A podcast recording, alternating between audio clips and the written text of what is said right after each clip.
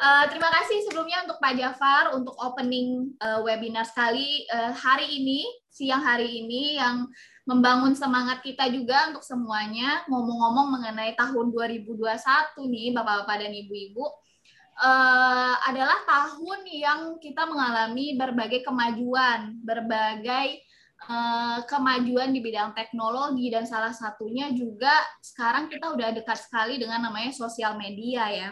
Pasti bapak-bapak dan ibu-ibu nih uh, sudah sering nih lihat teman-teman atau public figure atau selebgram nih yang warawiri di sosial media. Nah, ternyata salah satu efek atau dampak dari uh, kemajuan teknologi, dari berkembangnya sosial media itu adalah ternyata kita juga menjadi lebih gampang kita menjadi lebih mudah untuk mendapatkan referensi-referensi terbaru dan salah satunya adalah mengenai kecantikan. Nah, oleh karena itu juga nih bah, ternyata untuk masyarakat Indonesia bukan hanya Indonesia bahkan di masyarakat dunia itu mengakibatkan menjadi lebih aware atau menjadi lebih uh, memperhatikan dari segi kecantikan dibandingkan dengan tahun-tahun sebelumnya.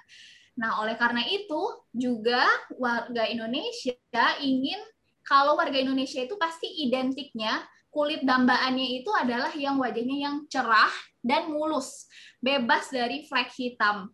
Nah, ngomong-ngomong mengenai dambaan ini nih cocok sekali dengan topik webinar kita pada siang hari ini yaitu kita ingin mengucapkan selamat tinggal. Udah kita say bye-bye kepada wajah kusam dan flek hitam.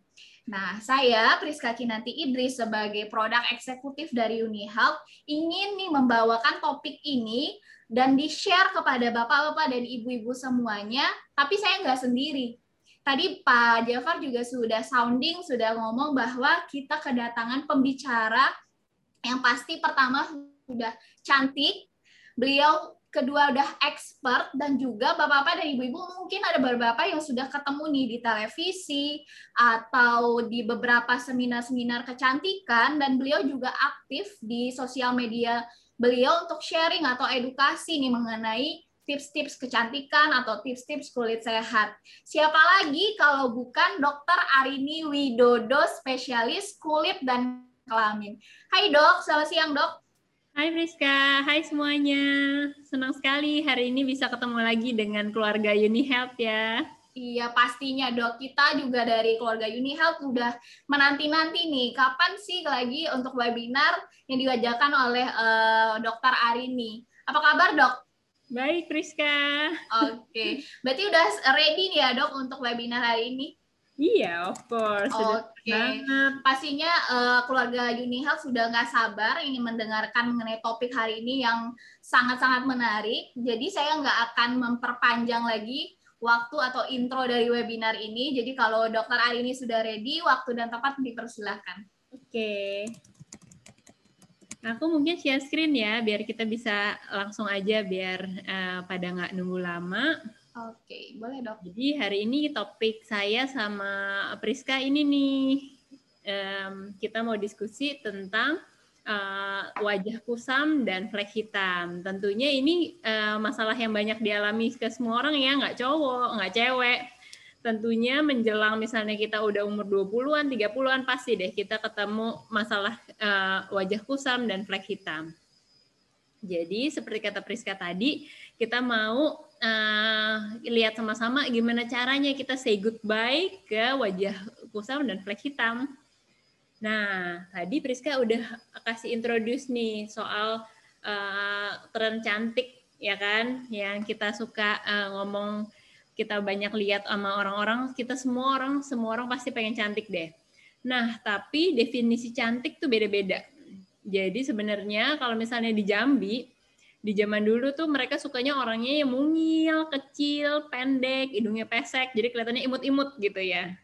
Tapi di tempat lain beda. Kalau di Papua ternyata dia mereka sukanya hitam manis. Dan terus mereka melihat kalau mau cari cewek itu yang kuat. Kenapa? Karena bisa nganyam sama bisa mengolah sagu. Jadi buat pekerjaan-pekerjaan rumah tangga, wah pasti ibu yang baik nih gitu. Sedangkan kalau di suku Batak pada zaman dulu mereka carinya yang kakinya lebar Kenapa? Karena untuk injek-injek padi. Nah, ini pasti calon istri yang baik mereka pikir nih kalau kakinya lebar. Jadi nginjak badannya efektif mungkin gitu. Nah, terus pada dasarnya dari Sabang sampai Merauke kita berbeda-beda. Jadi cantik Indonesia tuh berbeda-beda. Kita lihat cantik orang Aceh, kok mukanya kayak bisa kayak agak Arab-Arab gitu. Terus habis itu kita lihat Manado, uh cantik putih-putih banget gitu, kayak artis-artis uh, Korea Jepang gitu. Terus sedangkan kita lihat NTT, wah eksotik banget. Bali punya masing-masing punya kecantikannya sendiri-sendiri pada dasarnya jadi namanya dulu orang kita taunya kalau mau cantik tuh uh, muka putih, rambut panjang itu sebenarnya beda-beda. Jadi itu bukan standar yang sama di seluruh negeri kita. Tadi kita udah lihat di setiap provinsi itu punya selera yang berbeda-beda.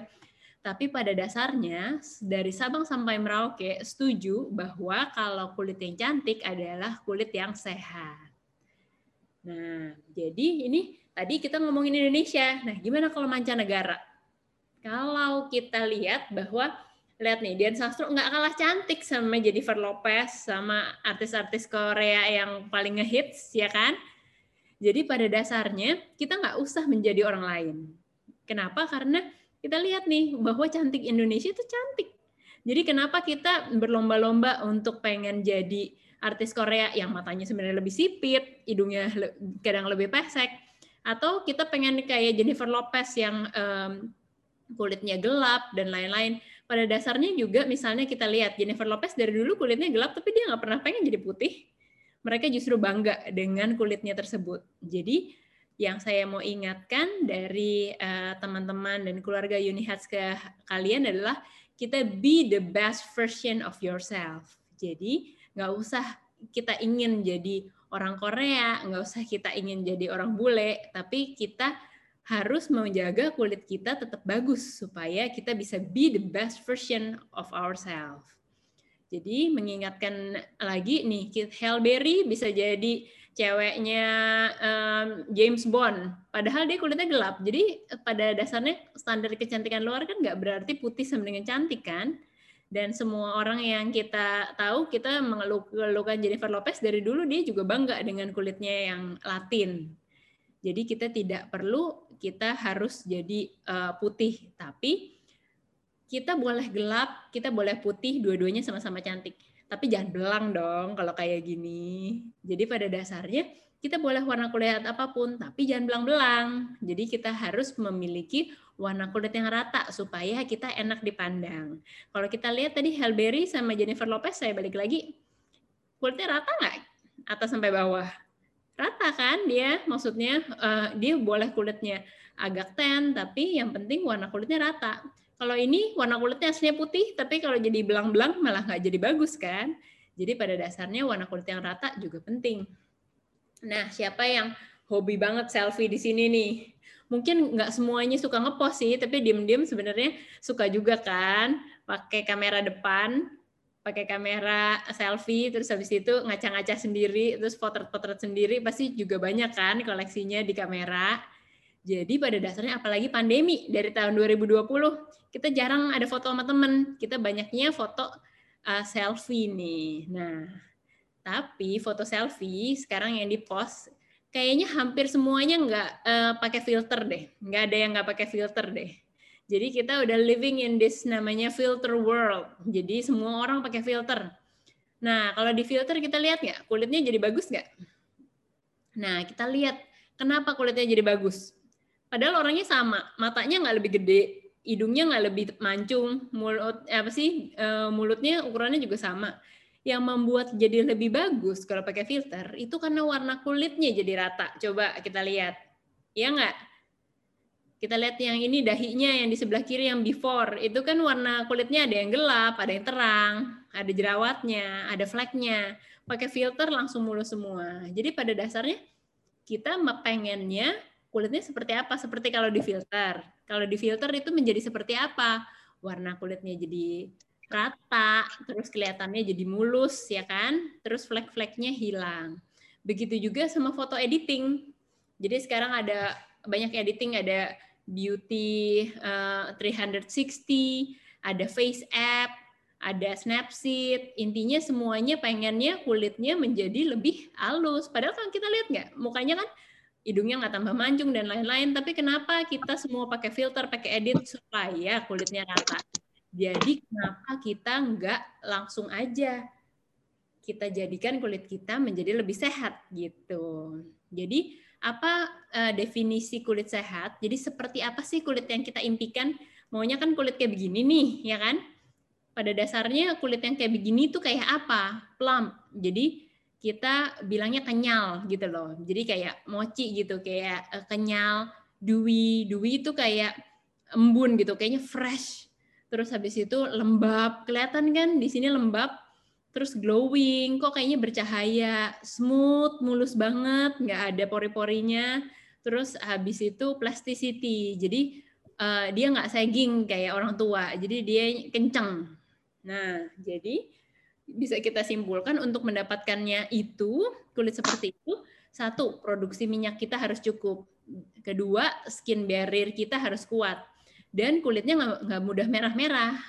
Jadi bukan cuma flek doang cuma kadang-kadang kita juga sering ada merah-merah yang bikin nggak sedap dipandang. Terus kita punya fungsi sel penghasil pigmen yang normal. Warna kulitnya tadi rata seperti yang aku bilang ya. Setelah difilter jadi rata. Terus habis itu tidak mudah menjadi penuaan. Tentu kalau kita kulitnya lebih aging tentu dia nggak tampak lebih cantik kan nah ini yang di, jadinya yang banyak dikeluhkan adalah uh, kulit kusam nah pada dasarnya uh, kenapa sih seseorang bilang kulitnya kulit kusam Nah, ini ada penelitian bahwa ini ada kulit yang kusam sama satu lagi kita bilang translucent. Jadi kayak kulitnya kayak uh, artis-artis Korea. Nah, kalau kulit kusam itu warna kulitnya nggak rata, tadi yang saya bilang uneven skin tone dan teksturnya kasar. Kalau kita gedein lihat nih ada pori-porinya. Jadi kalau kayak kita lihat si tekstur misalnya porselen yang mulus sama tekstur jalanan yang kasar kan kita bisa lihat sebenarnya dari jauh teksturnya. Jadi kulit juga begitu. Jadi kalau kulit sebenarnya teksturnya mulus itu akan tampak dari luar. Dan kalau dia teksturnya kalau kita lihat kayak porselen, tentunya dia memantulkan cahaya kan?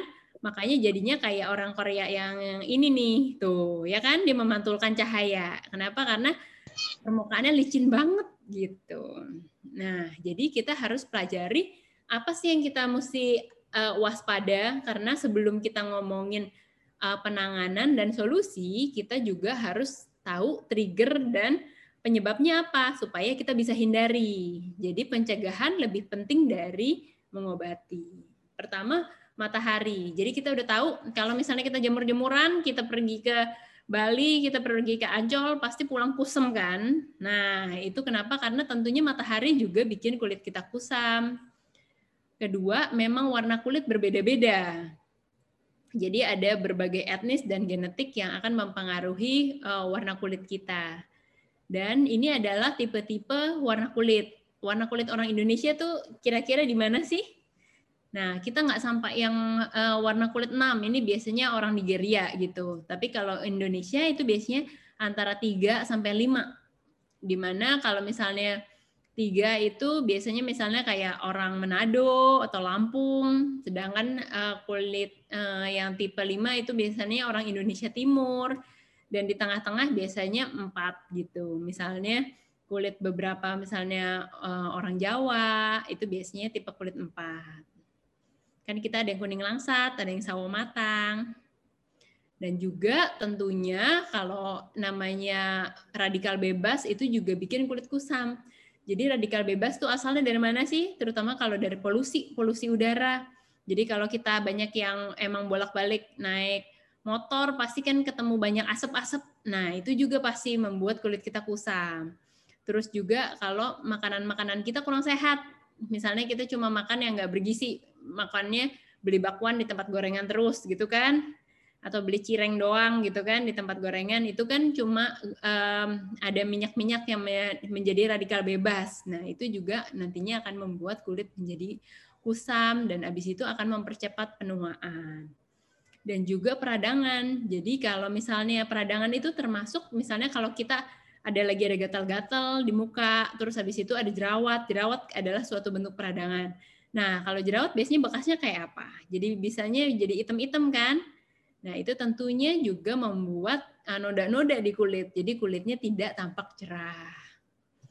Dan kita mesti perhatikan juga aktivitas kita. Kalau misalnya kita seharian di ruangan, kita juga membuat kulitnya menjadi kering. Tadi kita lihat bahwa tanda kulit kita, kalau orang Korea itu tadi fotonya bisa kayak mengkilat gitu kan, kelihatan bahwa kulitnya pasti lembab. Kalau kulit kita kering, pasti nggak bisa kelihatan kayak begitu. Kan tadi kelihatannya kayak basah gitu ya kan itu tidak akan terjadi kalau kulit kita tuh kering kerontang. Kemudian kalau misalnya uh, kita keluar juga makanya kita harus ingat bahwa kita pakai sunscreen. Jadi sekarang ada tren pada naik sepeda, pada lari, jangan lupa pakai sunscreen karena tadi namanya ultraviolet dapat membuat kulit kita kusam. Dan kita sekarang jadi suka menggunakan masker nih di era pandemi. Nah, masker itu jangan lupa dapat memicu mask nih Waktu itu kita pernah bahas juga ya tentang mask ini di Uni Health sebelumnya bahwa pemakaian masker lama-lama juga dapat menimbulkan jerawat. Nah, jerawatnya bisa membuat noda. Terus kalau kita pakai masker, kamu bayangin deh, terus lari di sini. Kira-kira yang gosong mananya duluan kalau kita pakai masker begini? Pasti jidatnya duluan dong, ya nggak? Jadi kulitnya jadi belang. Nah, itu yang kita namakan uneven skin tone. Nah, contohnya begini. Ini uh, wanita cantik kan? Kalau kita lihat dia cantik, tapi yang kita lihat bahwa kok eh, dahi sama wajahnya berbeda warnanya. Nah, ini yang tadi eh, saya bilang namanya uneven skin tone. Contohnya kita pergi keluar olahraga pakai masker. Ini saya ini dengan kulit dia yang sama, saya gedein. Yang satu di sini 50 per, 50 kali lipat, yang sini yang di pipi. Kita bisa lihat sebenarnya kalau kita gedein ini sebenarnya beda berapa warna foundation nih kalau yang satu mungkin warnanya nomor satu, yang satu mungkin warnanya nomor lima gitu, bisa uh, banyak beda warnanya. Jadi kita bisa lihat bahwa efek sinar matahari terhadap kulit itu akan membuat kulit kusam dan kita juga bisa lihat dia sebenarnya cantik tapi lihat di dahinya juga banyak noda-noda bekas jerawat juga. Nah, ini juga kadang-kadang uneven skin tone memang secara genetik bisa terjadi di orang-orang. Jadi bukan cuma karena matahari, misalnya di daerah sini, kadang-kadang ada orang yang ada gelap di daerah sini. Tapi kalau kita dapat merawat kulit dengan benar, kita bisa ilangin. Nah, ini adalah contohnya. Kalau kita lihat kan yang kiri sama yang kanan, kalau kita lihat warna kulitnya kan nggak berbeda. Dia tetap dengan warna kulit yang sama. Tapi kita bisa lihat dong jelas mana yang kusam, mana yang enggak. Ya kan? Jadi kalau kita kulitnya kusam, banyak kulit mati, terus banyak kena radikal bebas polusi, tentu kita bisa lihat hasil kulitnya tuh kulit kalau dirawat pasti berbeda. Terus kita ada yang namanya hiperpigmentasi. Nah, seperti yang saya tampilkan di gambar ini, namanya hiperpigmentasi beda-beda. Namanya namanya belang-belang, namanya zebra bisa belang, namanya macan bisa belang. Intinya bentuk hiperpigmentasi itu bisa berbeda-beda. Nah, pada dasarnya kalau kita namanya hiperpigmentasi itu pigmennya tuh kelebihan pada kulit. Nah, bentuk uh, keluhannya bisa, dok saya ada flek wajah nih, dok saya kusam nih, dok kok saya lebih gelap sih pulang jalan-jalan, dok saya ada bercak hitam nih. Nah, jadi bentuknya bisa berbeda-beda. Pada dasarnya itu semuanya kita namakan uh, bukan sesuatu yang normal karena kalau namanya kita bayi kan biasanya nggak ada apa pun kan di kulitnya. Nah, itu namanya pigmentation disorder. Jadi ini tentunya suatu uh, keluhan atau penyakit kulit. Tapi apakah berbahaya? Biasanya enggak. Cuma tentunya ini dapat mengganggu. Jadi namanya uh, pigmen kulit kita itu dihasilkan nama satu sel, namanya melanosit. Dia menghasilkan melanin. Nah, melanin itu pigmennya. Nah, kadang-kadang ada penyakit yang meningkatnya uh, sel sel penghasil pigmennya dia makin banyak. Ada penyakit yang uh, misalnya melanosit atau sel penghasil pigmennya sama, tapi dia menghasilkan banyak gitu. Jadi kadang-kadang bentuk manifestasi penyakitnya bisa berbeda-beda. Nah, pada dasarnya dia tidak berbahaya, tadi saya sudah bilang, dan tidak bergejala, nggak sakit, nggak gatel, tapi tentunya dia mempengaruhi kualitas hidup, apalagi kalau ada di wajah. Nah, bentuk uh, flek-fleknya ini kadang-kadang berbeda-beda. Kita lihat ada orang yang fleknya warnanya coklat muda, ada yang coklat tua, ada yang coklat kehitaman, Ada yang hitam banget, misalnya kayak tai lalat gitu kan. Ada yang hitam kecoklatan, ada yang kebiruan, ada yang biru kehitaman. Nah, ini semua sebenarnya juga menunjukkan dalamnya pigmentasi. Jadi makin dia coklat muda, dia lokasinya makin di atas, di atas kulit. Tetapi dia makin kebiruan, itu dia biasanya ada di dalam. Jadi lokasinya di dalam sekali. Penyebabnya bisa macam-macam. Pertama bisa faktor yang dari dalam tubuh kita atau faktor yang dari luar. Kalau faktor yang di dalam kulit kita bisa diakibatkan genetik, mutasi, hormonal, dan kalau faktor yang dari luar, misalnya pajanan sinar matahari, karena kita gosok-gosok, karena kita kopek-kopek jerawatnya, jadi ada trauma. Terus ada misalnya penggunaan skincare yang salah. Nah, pada dasarnya kalau kita kulitnya berjemur jadi gelap, itu karena ultraviolet. Tapi secara spesifik itu biasanya ultraviolet A. Nah, yang membuat uh, pigment pigmentasi juga terutama ultraviolet. Kalau misalnya orang di kulit putih kayak yang di atas nih, itu biasanya manifestasinya flaky freckles. Di mana kalau orang di kulit gelap biasanya kita tidak temukan freckles seperti ini. Akan tetapi kalau orang di kulit gelap, misalnya orang Asia, terus biasanya orang Latin atau Hispanic, biasanya mereka sering kena yang namanya melasma. Nah, ini gambarnya melasma. Ini sering juga uh, melasma ini di ibu-ibu hamil. Ibu-ibu hamil sering pas uh, pas hamil keluar melasma begini.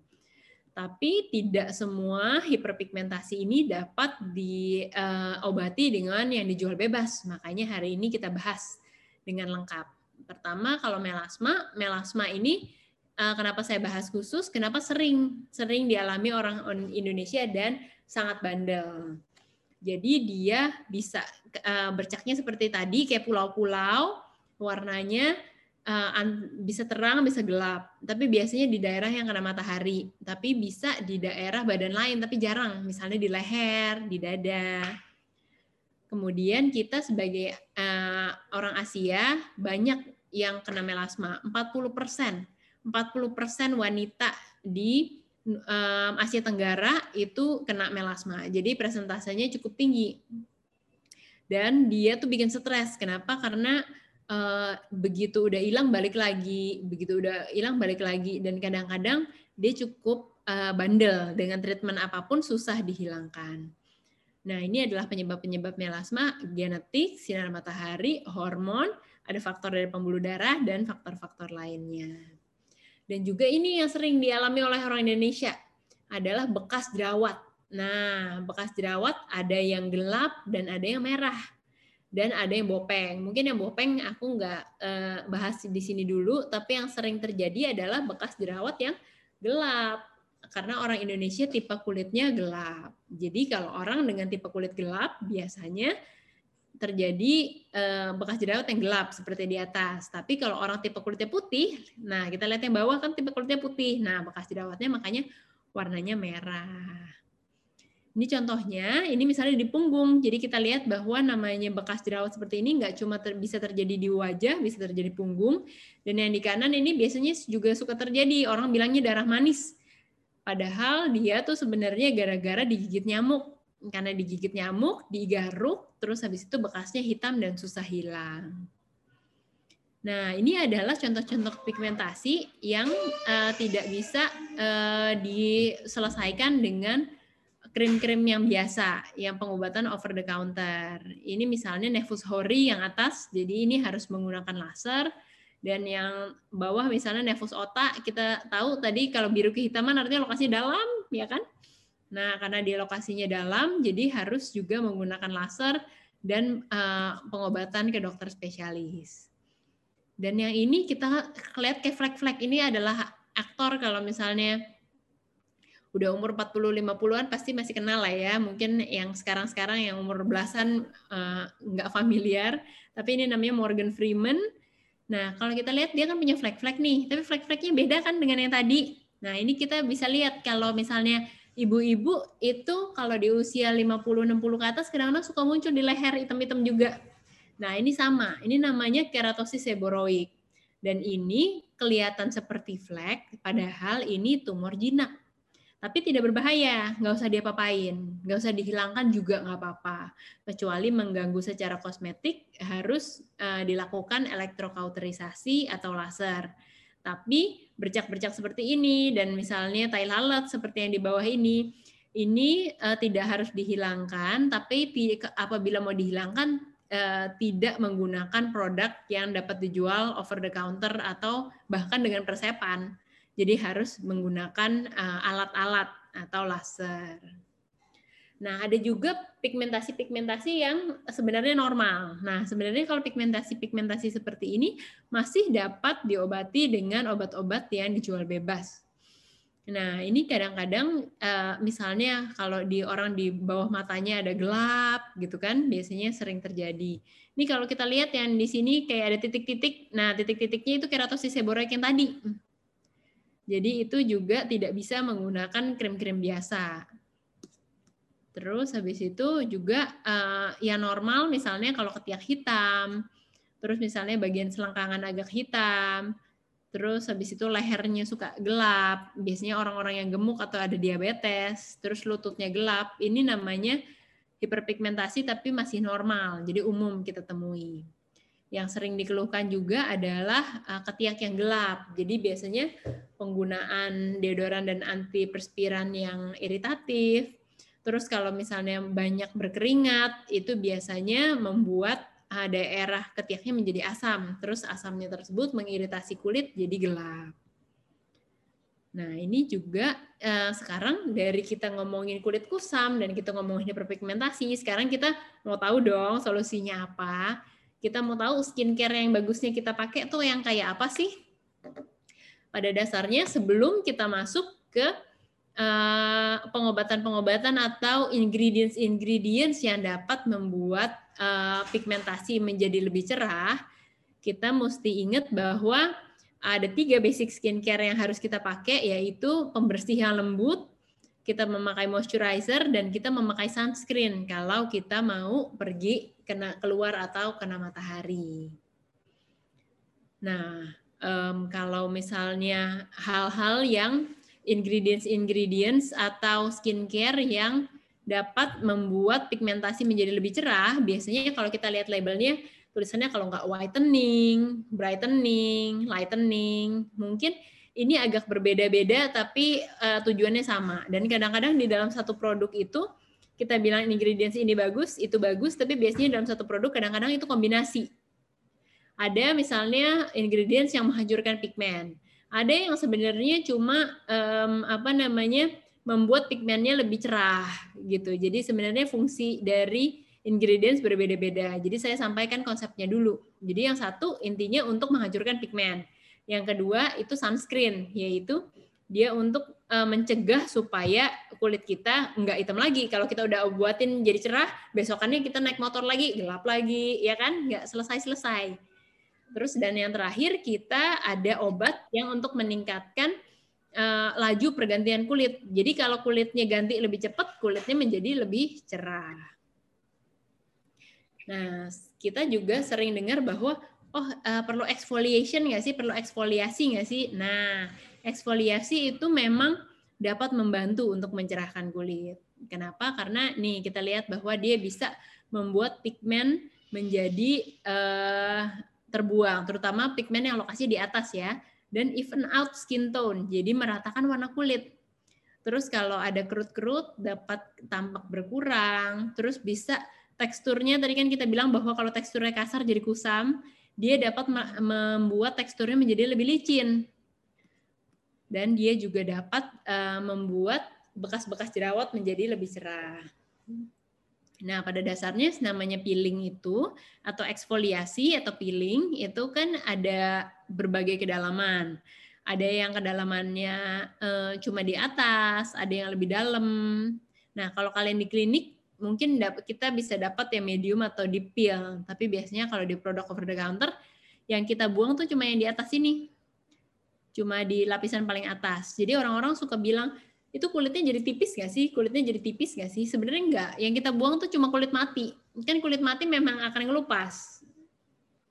Jadi pada dasarnya peeling itu tidak membuat kulit menjadi lebih tipis. Justru kalau kita balik lagi, dia increase kolagen dan elastin. Jadi kalau kita lakukan secara rutin bahwa sebenarnya dia juga dapat meningkatkan kolagen dan elastin. Jadi outputnya justru kulitnya bisa menjadi lebih tebal. Dan yang dia buang bukan kulit kita. Kulit tuh seperti ini. Yang yang dia bisa buang kalau di over the counter tuh cuma um, bagian yang paling atas aja. Jadi kulit mati. Nah, salah satu ingredients yang banyak dipakai adalah alpha hydroxy acid. Jadi dia caranya bahwa jadi kulit itu kayak batu bata sama semen. Jadi kalau dikasih alpha hydroxy acid, semennya itu menjadi lunak gitu. Jadi kulitnya itu gampang copot. Jadi kulitnya itu secara natural nanti bisa gampang terkelupas sendiri. Jadi dia bukan dengan memaksa, tapi dia membuat ikatan antar kulitnya menjadi lebih renggang. Jadinya nanti dia lebih gampang mengelupas sehingga dia juga membantu flek-fleknya. Contohnya kalau kita lihat di ingredients di belakang ada glycolic acid, lactic acid, mandelic acid, malic acid, tartaric acid dan lain-lain. Nah juga semua orang udah tahu lah ya manfaat vitamin C.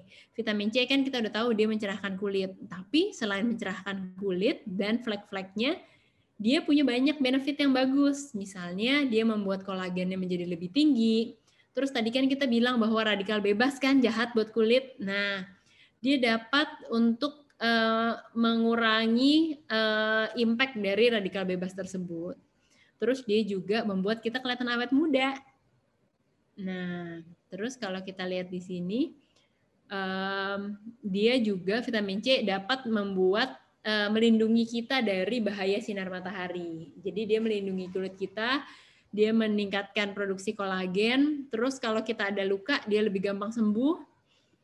Terus dia membuat kulit kita menjadi lebih kenyal.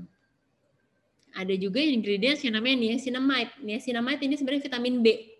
Vitamin B dia jadi merupakan antioksidan, jadi dia aman sekali buat kulit dan cocok untuk even buat kulit yang sensitif sekalipun. Dia bisa mengurangi hiperpigmentasi, mengurangi kerutan, dan membuat kulitnya bisa menjadi lebih elastis. Jadi dia banyak fungsinya jadi dia kalau untuk bekas jerawat yang untuk orang jerawatan membantu, bekas jerawat merah membantu, bekas jerawat hitam juga membantu. Dan aman sekali. Nah, ini juga ada ingredients yang kita namakan DMAE. Kalau DMAE itu dia meningkatkan produksi acetylcholine, jadi mukanya tuh kayak jadi kenceng. Jadi kalau acetylcholine itu sebenarnya adanya di otot. Jadi karena ototnya uh, kontraksinya yang dia mainkan jadi kulitnya jadi kayak lebih kencang. Jadi dia mengencangkan kulit yang udah sagging. Dia juga bahan yang relatif eh, sebenarnya cukup baru di pasaran. Nah, kalau yang ini mungkin udah tidak asing lagi. Kita sering dengar namanya aloe vera. Aloe vera banyak kita tanam, banyak kita pakai buat rambut, banyak kita makan, banyak kita pakai di dalam minuman. Ini uh, atau di bahasa Indonesia kita selalu bilangnya lidah buaya jadi biasanya gelnya ini yang punya khasiat, jadi dia meningkatkan produksi kolagen dan dia dapat membantu kita untuk menghindari bahaya sinar matahari. Dia juga melembabkan kulit dan antiseptik. Kemudian mungkin ini jarang orang banyak uh, banyak uh, jarang dengar, tapi ini ingredients yang salah satu yang uh, sangat ampuh untuk uh, pigmentasi adalah arbutin. Jadi arbutin adalah sebenarnya turunan dari hidrokinon. Kita pernah dengar kan hidrokinon bahwa waduh ada produk-produk ilegal mengandung hidrokinon. Nah, jadi dia sebenarnya efektif seperti hidrokinon, ah, tapi dia tidak toksik. Jadi dia boleh uh, ingredients yang sudah aman, dinyatakan aman oleh BPOM dan dapat dijual di produk over the counter. Jadi dia lightening agent. Terus dia juga mengandung antioksidan. Terus salah satu ingredients yang juga uh, banyak lagi digemari adalah peptide. Peptide ini sebenarnya fungsinya banyak sekali, tapi uh, ingredients yang peptide yang saya bahas hanya yang ada di dalam produk UniHealth ini, yaitu Tego Cosmo dan Bright. Jadi pada dasarnya Chromo, Tego Cosmo dan Chromo Bright isinya adalah berbagai macam peptide dan berbagai kandungan di dalamnya. Pada dasarnya mereka menghambat produksi melanin, mencerahkan kulit, dan membantu eh, melawan penuaan juga. Kemudian vitamin E. Tadi kita udah ngomongin vitamin B, kita udah ngomongin vitamin C, sekarang kita ngomongin vitamin E. Nah, vitamin E ini juga melindungi kita terhadap sinar UV, dia sebagai antioksidan, antiinflamasi, dan dia membantu regulasi vitamin lain, yaitu vitamin A. Vitamin A ini penting karena vitamin A akan kita guna akan berguna untuk membantu meregenerasi kulit kita dan melindungi eh, kulit kita dari lingkungan yang luar. Jadi sehingga benefit vitamin C, vitamin E seperti ini. Jadi dia bisa melembabkan kulit, terus habis itu membantu melawan penuaan, kita bisa membantu untuk uh, melawan flek-flek hitam, kemudian membersihkan kulit dan lain-lain. Kemudian ada yang namanya vitamin B5 atau pantenol. Vitamin B5 atau pantenol ini fungsinya banyak. Dia bisa uh, untuk wrinkles, buat fine lines, buat redness, buat dryness, dan dia punya kemampuan untuk mengunci kelembaban dan membuat barrier kulit kita atau pertahanan kulit kita semakin baik. Nah, ini pada dasarnya uh, pantemol dapat kita gunakan untuk uh, menyembuhkan kulit-kulit yang retak-retak. Jadi siapa banyak yang retak-retak kalau karena banyak pakai banyak hand sanitizer, nah ini dia dapat membantu untuk memperbaiki skin damage, untuk uh, penyembuhan luka, untuk penyembuhan iritasi, dan penyembuhan peradangan pada kulit. Dan dia juga dapat uh, membantu untuk uh, melawan penuaan. Shea butter, ada yang pernah dengar shea butter? Shea butter ini salah satu ingredients yang lumayan terkenal. Biasanya di pelembab-pelembab uh, yang mahal seperti L'Occitane itu biasanya mengandung shea butter dia uh, sebenarnya uh, sangat oily ya, sangat uh, oklusif. Jadi dia seperti namanya butter, kita bayangin kan kayak uh, mentega gitu. Jadi dia sangat uh, dapat melembabkan kulit, terus dia ada anti radangnya juga, dan dia punya benefit untuk memperbaiki barrier kulit dan meningkatkan produksi kolagen. Kalau ada yang pernah dengar papain, Nah, papain itu ada sebenarnya derivatnya dapat dari pepaya. Papain itu dari pepaya. Dia sifatnya kalau sebenarnya seperti eksfoliasi. Jadi dia seperti AHA, jadi dia dapat membantu untuk melepaskan sel kulit mati. Jadi lapisan teratas kulit kita terbantu untuk uh, diangkat. Pada dasarnya dia ekstrak pepaya. Nah, jadi dia aman sekali digunakan karena juga dari bahan yang sangat natural. Di luar dari brightening agents, uh, juga penting untuk dalam suatu formulasi ada ingredients-ingredients yang menenangkan kulit. Jadi tidak semua obat yang kita pakai itu sifatnya iritatif untuk kulit. Tentunya tidak bagus. Jadi ada uh, ingredients-ingredients yang membuat kulit menjadi lebih tenang. Jadi tidak gampang iritasi. Misalnya alantoin, dia selain mengangkat sel kulit mati, dia juga melembabkan, ada anti iritasi dan penyembuhan luka water lily. Water lily cantik sekali ya bunganya yang seperti bunga teratai. Jadi dia tinggi antioksidan, menangkal radikal bebas dan membuat kulit uh, kusamnya hilang. Dan juga ada yang namanya bisa bolol. Bisa bolol itu anti radang, antibakteri dan dapat menyembuhkan luka. Dan yang terakhir jangan lupa setelah kita pakai ingredients itu semua, jangan lupa pencegahannya. Jangan lupa bahwa kita harus investasi juga pada sunscreen atau um, tabir surya. Karena menurut saya itu the best long term investment of for your skin. Jadi sebelum kita rutin pakai serum-serum, kita jangan lupa pakai sunscreennya juga karena namanya flek hitam dan lain-lain tentunya juga sangat dipengaruhi oleh matahari. Jadi kalau kita udah pakai serum-serum tapi kita masih banyak kena matahari, tentunya nanti usaha kita jadi sia-sia. Nah, sunscreen itu apa? Pada dasarnya dia dapat melindungi kita dari bahaya-bahayanya sinar matahari. Baik dia bisa melindungi kita baik dari UVA dan UVB, tergantung dari spektrum dari sunscreen tersebut. Nah, pada dasarnya sunscreen ada yang uh, dapat diserap oleh kulit. Jadi uh, sinar matahari diserap oleh kulit dan habis itu dia convert jadi energi panas dan ada sunscreen yang memantulkan cahaya matahari. Dan klasifikasinya dapat kita bagi juga jadi chemical atau physical. Nah, ini kalau contohnya yang chemical misalnya kalau di ingredients oxybenzone, avobenson, dan juga ada physical ingredient seperti zinc oxide dan titanium dioxide. Nah, kalau generasi-generasi terbaru, sunscreennya dia bahkan bisa eh, menyerap dan memantulkan juga. Jadi tidak salah satu, tapi dia dapat bekerja sebagai dua-duanya. Nah, pada dasarnya negara kita kan negara tropis ya, jadi tentunya matahari banyak sekali. Nah, jadi apa masalah kulit di negara tropis? Pertama, kita skin type-nya skin type 4 sampai 5 kan tadi saya bilang 3 sampai 5, tapi kebanyakan 4 sampai 5. Jadi kita warna kulitnya tuh berwarna. Nah, tadi seperti yang sudah disinggung juga kalau kulitnya berwarna jadi mudah sekali untuk terjadi yang namanya hiperpigmentasi. Kemudian eh, kita juga banyak terpajan oleh sinar matahari karena kita di ekuator, kita ada di garis khatulistiwa. Jadi resiko untuk hiperpigmentasinya tinggi, resiko untuk kanker kulitnya tinggi dan juga di uh, Indonesia kan juga selain panas tapi lembab gitu. Jadi kita gampang jadi berjerawat, gampang jadi biang keringat. Terus habis itu kalau kita pakai skincare kena panas tuh kayaknya meleleh gitu. Jadi itu tentunya menimbulkan pertanyaan kita gimana sih uh, kita ada sunscreen yang ideal pada dasarnya kalau kita mencari sunscreen harus yang memiliki proteksi UVA tinggi, UVB tinggi, dan tidak komedogenik. Gimana cara kita apply sunscreen yang benar? Jangan uh, lupa untuk pakai di belakang kuping juga. Jadi kadang-kadang kuping kita suka terbakar. Jadi jangan lupa juga pakai di atas uh, kaki karena banyak yang ke saya, waduh kakinya gosong karena mereka suka naik motor terus habis itu kaki bagian atasnya tuh gosong atau kadang-kadang kan jiplak kayak sendal jepit ya kan kalau habis dari pantai. Terus jangan lupa untuk pakai sunscreen sampai di leher juga.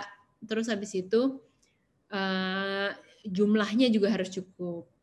Jadi jumlahnya kalau untuk seluruh badan itu kira-kira 2 sendok makan. Tapi kalau untuk wajah itu biasanya segede koin aja, segede koin kita pencet sampai segede koin terus pakai di seluruh muka. Jadi jangan terlalu dihemat juga karena nanti tidak efektif. Dan kita bisa pakai 15 sampai 30 menit sebelum kita keluar. Jadi biarkan sunscreen bekerja dulu sebelum kita pakai keluar. Jadi dia baru ingat baru dia efektif 15 sampai 30 menit. Nah, kalau udah di luar jangan lupa untuk dipakai ulang. Jadi ternyata kalau kita yang pakai cuma sunscreen kalau cuma pagi doang itu salah. Jadi ternyata setelah dua jam efektivitas sunscreen itu berkurang. Jadi kalau kayak pada wondering ini udah pakai sunscreen kok masih gelap aja sih. Nah itu karena namanya sunscreen harus dipakai ulang setiap dua jam. Rata-rata cuma 50% yang memakai dengan jumlah yang dianjurkan. Nah, ini hanya uh, supaya kalian ingat mengenai sunscreen ada 5W1H. Siapa yang pakai who, everyone under the sun, jadi semua orang yang kena terpajan sinar matahari dan pakai sunscreen yang gimana? Pakai yang broad spectrum yaitu bisa untuk menangkal UVA dan UVB. Kapan pakainya? Setiap hari eh, uh, 30 menit sebelum keluar dan dipakai setiap dua jam. Di mana pakai sunscreen di seluruh wajah atau dan uh, badan yang terkena sinar matahari. Terus uh, berapa pakainya? Kira-kira one ounce untuk seluruh badan. Kenapa kita harus pakai sunscreen? Karena kita tadi mau menghilangkan flek dan kulit kusam bukan? Dan terlebih lagi namanya sunscreen dapat menghindari kita dari kanker kulit, terus habis itu dan penuaan kulit. Jadi pada dasarnya pesan akhir, jadi untuk kita menangani kulit yang kusam, pertama kita harus tahu penyebabnya apa. Tadi kan di slide yang pertama saya justru uh, membahasnya tentang apa aja yang membuat kusam. Jadi semua hal-hal itu harus dihindari untuk kita mendapat kulit yang cerah. Kemudian jangan lupa untuk memakai sunscreen dan juga pakai misalnya topi, pakai payung dan lain-lain, pakai tangan panjang. Kemudian kita memiliki skincare yang tepat untuk tipe kulit masing-masing. Karena tidak semua tipe kulit kadang-kadang cocok memakai skincare tertentu. Misalnya ada skincare, ada eh, kulit yang tebal, mungkin dia cocok kalau eksfoliasi banyak gitu, dan dia nggak ada masalah. Tetapi kalau kulitnya tipis, sensitif, kering, itu biasanya kalau kita memakai banyak produk yang eksfoliasi, kulitnya menjadi gampang iritasi.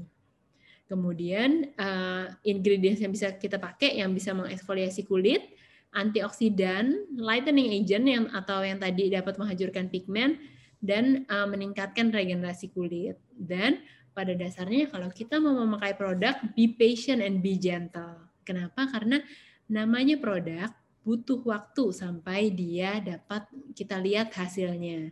Paling tidak misalnya satu dua bulan. Nggak mungkin kita pakai produk misalnya baru satu dua hari terus kita sudah berharap fleknya hilang. Itu pasti tidak terjadi. Dan kita harus hati-hati. Jadi be gentle with your skin. Jangan berlebihan memakainya.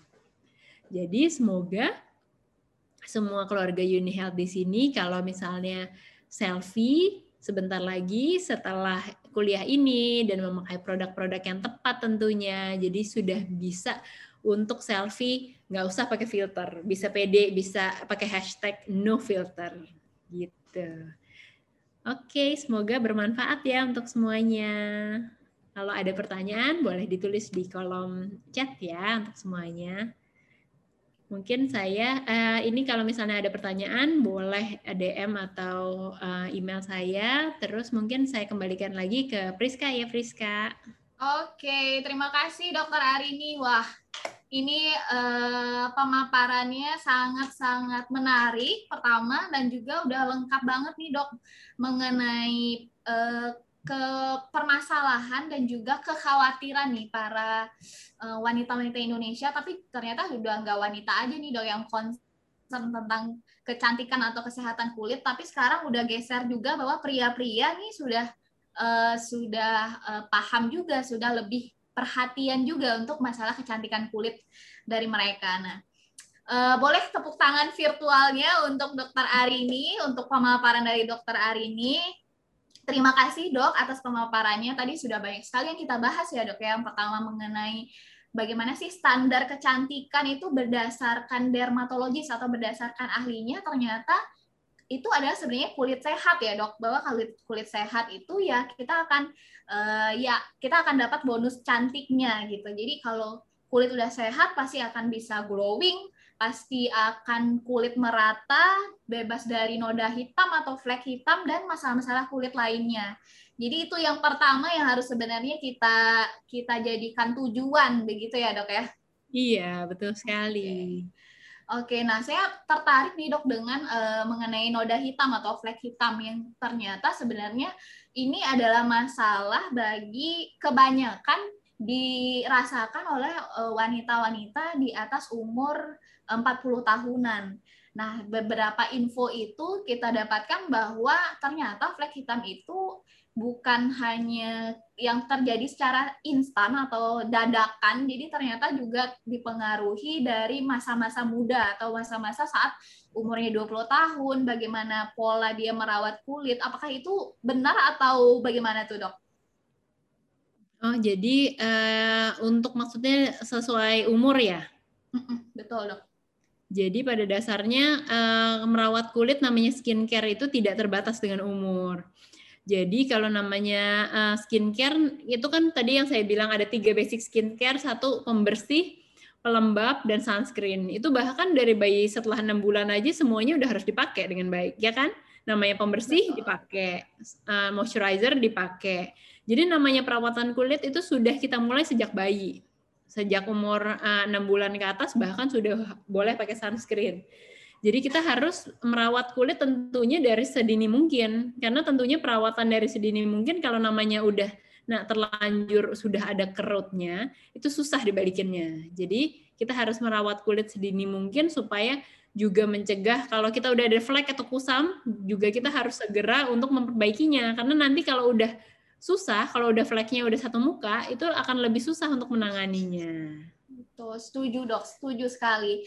Oke dok, uh, saya mau izin dulu sebentar minta waktu kepada dokter Arini karena saya mau share nih dok, ada share sedikit mengenai produk kecintaan kita, produk Uni Health yang juga berkaitan nih dengan topik webinar kita hari ini.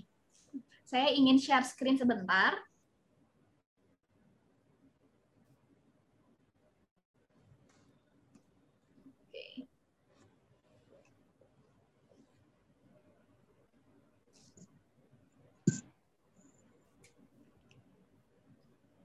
Oke, nah nih bapak-bapak dan ibu-ibu keluarga Uni Health tadi kita udah mendengarkan nih pemaparan dan juga dapat insight baru, ilmu baru dari Dokter Arini mengenai kecantikan kulit itu sebenarnya seperti apa.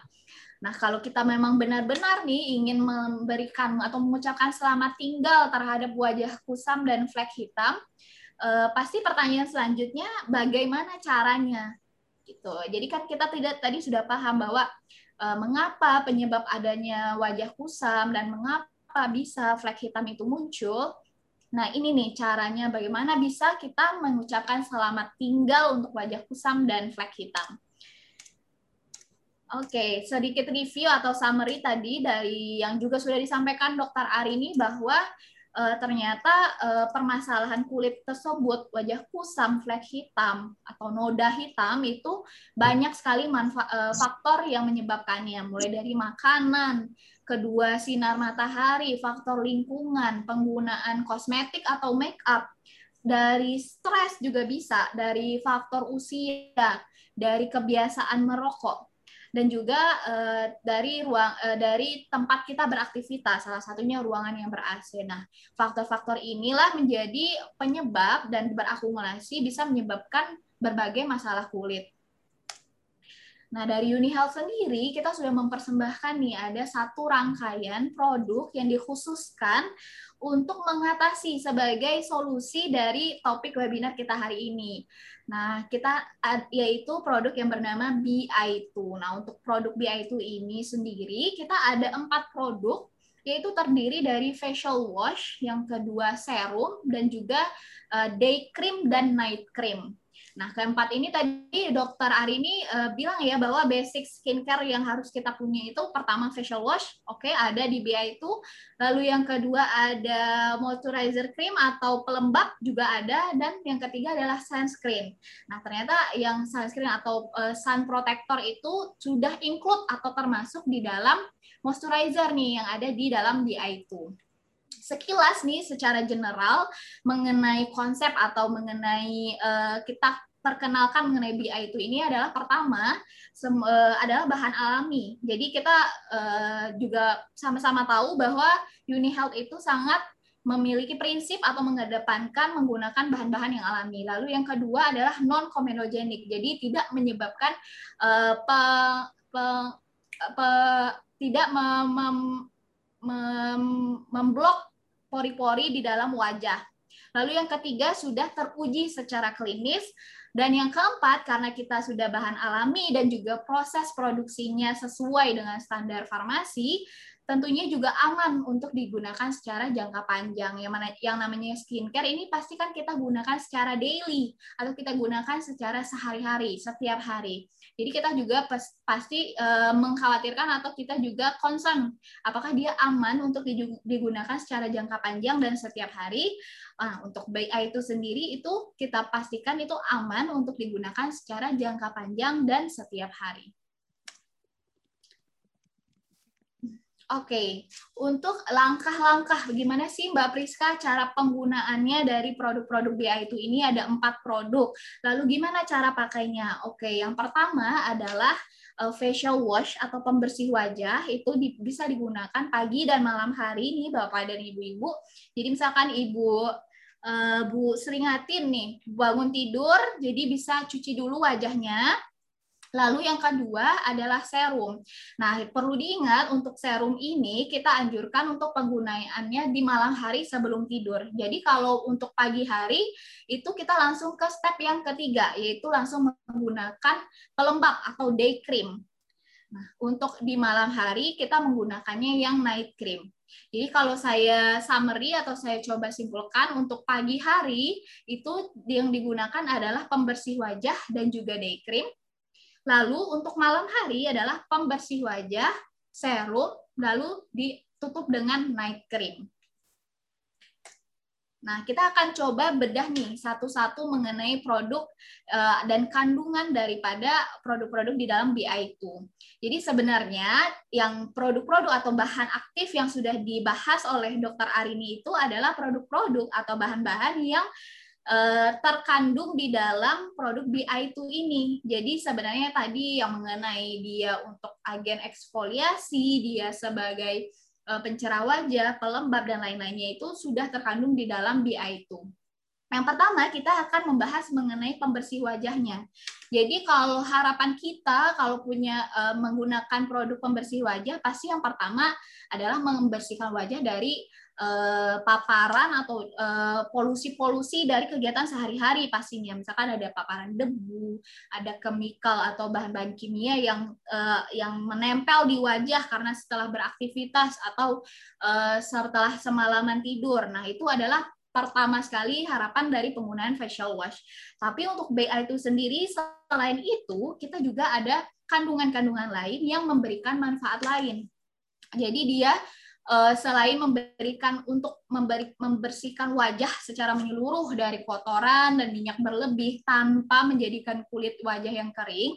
Jadi ini adalah salah satu keunggulan juga nih dari BI itu. Mungkin ada beberapa produk pembersih wajah lain itu setelah digunakan uh, wajah terasa terta ketarik atau terlalu kering. Jadi itu juga over menghilangkan minyaknya terlalu over. Nah untuk BI itu sendiri untuk facial washnya uh, tidak usah khawatir nih bapak-bapak dan ibu-ibu karena pembersih wajah ini tidak akan menyebabkan kulit wajah menjadi kering. Lalu selain itu dia juga mengandung AHA, AHA itu yang tadi sudah dibahas oleh dokter Aryani juga. Lalu yang kedua adalah DMAE dan aloe vera ekstrak atau ekstrak lidah buaya yang menjadikan wajah menjadi bersih, cerah sekaligus mengencangkan kulit wajah Anda.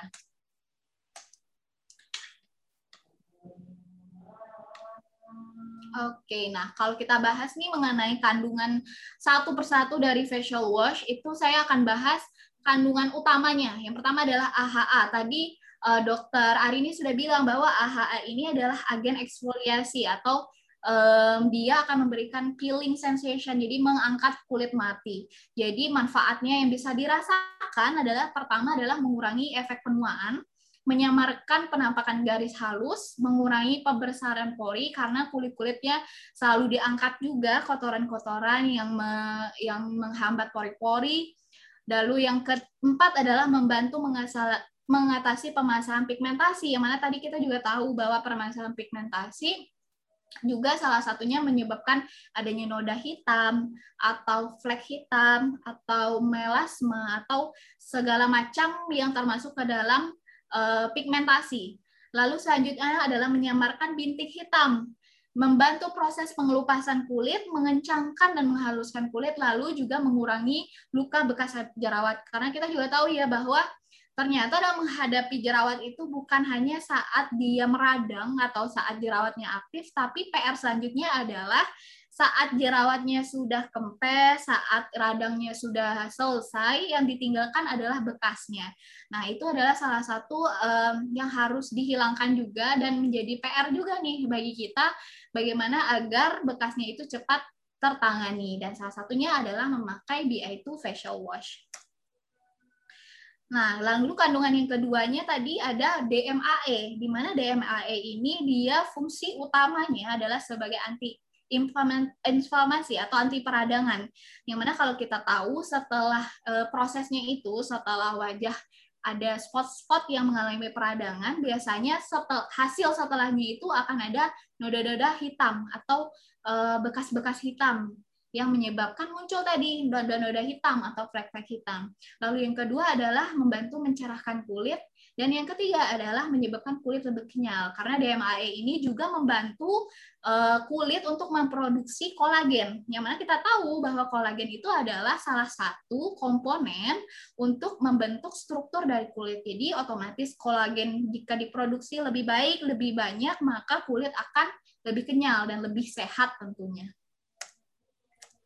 Nah, kandungan ketiga tadi yang kita sebutkan adalah kandungan si lidah buayanya ini. Bahwa kita tahu ya bahwa e, lidah buaya ini sudah menjadi tren dan juga sudah diketahui banyak orang karena manfaatnya yang luar biasa.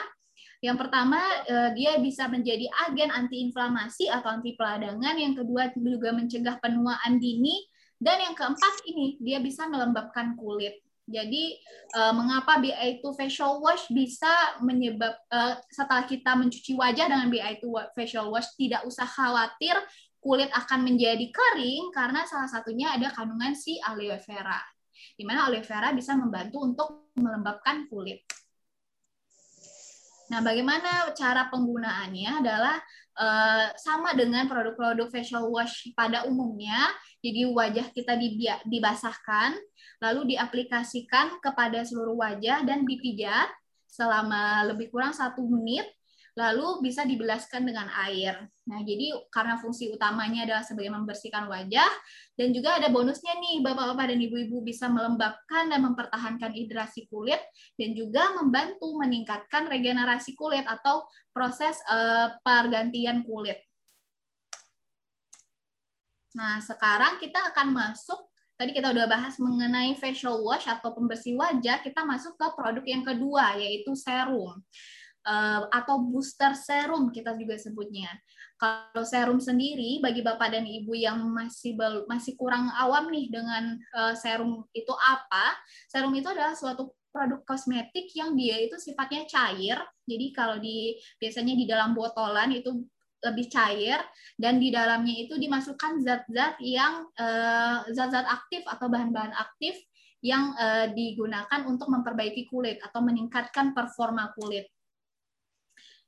Nah, untuk serum dari BI2 sendiri, atau kita juga sebutnya sebagai whitening serum, produk atau bahan utamanya adalah kandungan vitamin C dan juga kandungan DMAE, di mana kombinasi ini berfungsi untuk pertama mencerahkan kulit, eh, lalu yang kedua adalah menyamarkan garis halus. Tadi kita juga udah dengar ya bahwa eh, pemaparan dari dokter Ali nih bahwa vitamin C itu bisa bersifat sebagai antioksidan dan juga dia penangkal dari sinar UV matahari bisa UVA dan juga UVB yang mana kita tahu dua-duanya ini uh, dia intinya adalah menyebabkan efek buruk atau berdampak buruk kepada uh, kesehatan kulit. Lalu juga vitamin C ini juga bisa menangkal radikal bebas yang mana kita tahu bahwa seringnya terekspor oleh radikal bebas itu bisa menyebabkan kulit atau kesehatan kulit terganggu yang juga hasilnya bisa menimbulkan kulit yang uh, terlihat kusam, kulit yang uh, penuh dengan noda-noda hitam atau flek-flek hitam. Nah, manfaat secara keseluruhan uh, tadi sudah disebutkan bahwa yang pertama kalau menggunakan serum ini bisa mencerahkan kulit dan juga membantu nih menjamarkan garis-garis halus. Gimana sih Mbak Priska cara pemakaian dari booster serum ini? Yang pertama yang perlu diingat adalah waktu pemakaiannya. Waktu pemakaiannya kita sarankan digunakan di malam hari dan e, digunakannya setelah penggunaan facial wash atau setelah cuci muka. Jadi malam hari sebelum istirahat itu wajah dicuci cuci muka menggunakan facial wash BI itu lalu selanjutnya baru diberikan booster serum atau serum dari BI2 ini. Nah, selanjutnya adalah uh, yang ketiga pelembab. Jadi untuk BI2 sendiri kita pelembab kita bagikan ke dalam dua kategori. Yang pertama adalah pelembab untuk pagi dan siang. Yang kedua adalah pelembab khusus untuk di malam hari. Pertama kita akan bahas mengenai pelembab siangnya. Pelembab siang ini eh, selain namanya adalah pelembab yaitu untuk meningkatkan kelembapan dari eh, kulit, yang kedua dia ada efek-efek plus atau ada bonus yang bisa diberikan. Yang pertama adalah bisa sekaligus mencerahkan kulit, yang kedua sebagai antioksidan dan yang ketiga nih sebagai tabir surya atau sun protector di mana uh, di, uh, di dalam kandungan BI, di dalam BI2 uh, eh, moisturizer ini mengandung SPF uh, dengan nomor SPF 25. So, kalau kita lihat dari kandungannya, pelembab uh, BI2 ini mengandung asam askorbat, lalu yang kedua DMAE, lalu yang ketiga adalah pantenol. Oke, nah untuk asam askorbat sendiri ini dia bisa berfungsi yang pertama meningkatkan kecerahan kulit, lalu mencegah radikal bebas dan juga dia juga bisa membantu nih dari uh, sinar UV dan baik UVA ataupun UVB. Dan DMAE ini lebih condong kepada mengurangi eh, garis-garis kulit halus. Yang kedua adalah meningkatkan kekencangan kulit, jadi kulit akan merasa lebih kencang. Dan untuk pantenolnya sendiri, dia lebih berfungsi kepada meningkatkan kelembapan. Nah, bagaimana sih Mbak Priska maksud dari uh, mungkin Bapak-bapak dan Ibu-ibu sering nih lihat di produk-produk ada S, uh, ada uh, katarangan SPF dan ada angkanya. Khusus untuk BI2 nih misalkan ada SPF 25. Apa itu maksudnya? Uh, BI2 dengan SPF 25 itu artinya adalah bisa melindungi kulit dari paparan sinar matahari atau spesifiknya itu adalah dari paparan UVA ataupun UVB selama eh, 25 dikali 15 menit. Jadi artinya satu SPF itu bisa melindungi kulit setara dengan 15 menit. Jadi Bapak dan Ibu setelah pakai nih eh, pelembab siang dari BI itu eh, dia akan melindungi kulit ibu, bapak-bapak dan ibu-ibu dari paparan sinar matahari dari eh, UVA ataupun UVB itu selama kurang lebih 6 jam sampai 25 menit. Jadi setelahnya kita sarankan nih atau enam setengah jam ya. Jadi setelahnya kita sarankan untuk di reapply lagi atau digunakan kembali sehingga akan selalu terlindungi dari sinar matahari. Nah, ini adalah rangkuman nih review atau rangkuman singkat mengenai manfaat-manfaat dari pelembab uh, siang atau day cream dari BI2. Yang pertama pastinya adalah melembabkan. Lalu yang kedua dia bersifat sebagai antioksidan. Yang ketiga dia bisa sebagai sun protector karena bisa menangkal UVA dan juga UVB. Lalu selanjutnya adalah bisa sebagai mencerahkan. Yang ketiga, eh, yang keempat adalah tidak mengiritasi, lalu bisa meratakan warna kulit dan juga mengatasi hiperpigmentasi atau flek atau noda hitam yang ada di kulit wajah. Nah, selanjutnya adalah produk keempat dari BI itu. Tadi yang pelembab, tadi kita udah bahas yang pelembab siang, ini kita akan bahas mengenai pelembab malamnya atau night cream. Nah, untuk night cream sendiri ini kita lebih fokus kepada kandungan-kandungan yang memberikan uh, efek uh, atau fungsi sebagai pencerah alami. Salah satunya adalah dari arbutin. Lalu yang kedua ada kandungan vitamin C dan juga yang ketiga juga ada kandungan exfoliating agent atau uh, peeling agent yang kita ambil dari uh, papain atau ekstrak pepaya untuk mengangkat sel-sel kulit mati dan mencegah uh, kekusaman pada wajah. Oke, nah untuk krim malam sendiri ini uh, di dalam BI2 ini kita memberikan kandungan moisturizer atau pelembab dan biasanya teksturnya akan lebih lebih kental atau lebih berat karena uh, aktivitasnya sudah berkurang dan jadi difokuskan selama kulit beristirahat bisa maksimal memperbaiki kulit. Lalu yang ketiga adalah krim malam ini mengandung nutrisi antioksidan, salah satunya tadi ada vitamin C yang lebih tinggi ketimbang di krim malam, eh, di krim siang. Jadi Eh, saat kita sudah waktunya istirahat, jadi juga bisa memaksimalkan dalam proses perbaikan kulit. Nah, untuk arbutin sendiri ini sebenarnya sudah uh, familiar atau sudah tren juga penggunaan arbutin di mana dia ini uh, sifatnya sebagai antioksidan yang bisa mencerahkan kulit wajah secara alami di mana dia mencegah hiperpigmentasi atau proses pigmentasi kulit dengan menghambat ini enzim tirosinase ini adalah enzim yang bekerja untuk membentuk pigmen kulit atau yang menyebabkan adanya spot-spot hitam di kulit dan juga dia sekaligus nih mengangkat sel kulit mati. Jadi proses pembentukan pigmennya dihentikan atau dihambat tapi sekaligus juga dia mengangkat sel-sel kulit mati yang tadi uh, salah satunya menyebabkan kulit yang kusam atau kulit yang ada bercak hitam atau noda hitamnya. Nah, bagaimana nih cara penggunaannya? Jadi untuk penggunaannya namanya Plum Night Cream atau yang kita udah tahu pasti dia digunakan malam hari. Yang mana cara penggunaannya adalah setelah uh, mencuci wajah dengan facial wash, lalu yang kedua ditambahkan dengan serum, diaplikasikan secara merata, lalu selanjutnya baru ditambahkan dengan pelembab malam. Nah, diaplikasikan ke seluruh wajah secara merata dan juga jangan lupa untuk diaplikasikan ke leher.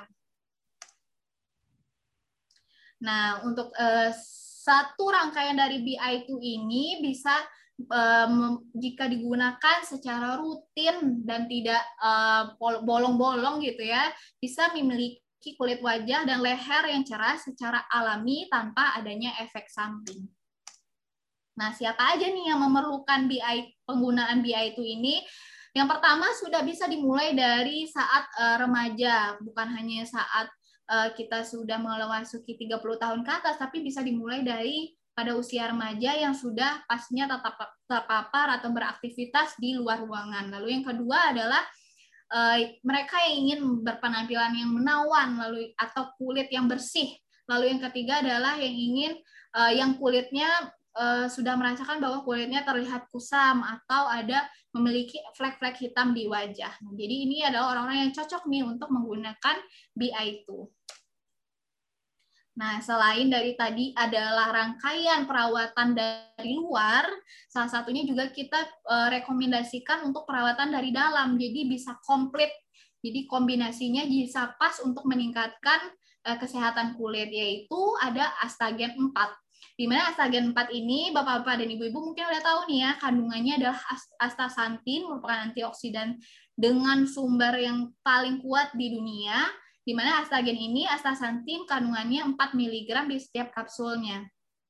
Apa saja manfaatnya terutama untuk kulit? Yang pertama adalah membantu meningkatkan kelembapan kulit. Lalu yang kedua adalah melembutkan dan meningkatkan elastisitas kulit. Lalu yang ketiga adalah mengurangi keriput dan bintik-bintik hitam pada kulit wajah. Nah, bagaimana cara konsumsinya Mbak Priska? Misalkan ya, eh, konsumsi sehari kita anjurkan untuk satu kali dua kapsul setelah makan. Nah, untuk sekilas nih mengenai sumber dari astaxanthin dalam astagen ini yang kita ambil adalah dari sumber ganggang hijau atau Hematococcus pluvialis microalgae.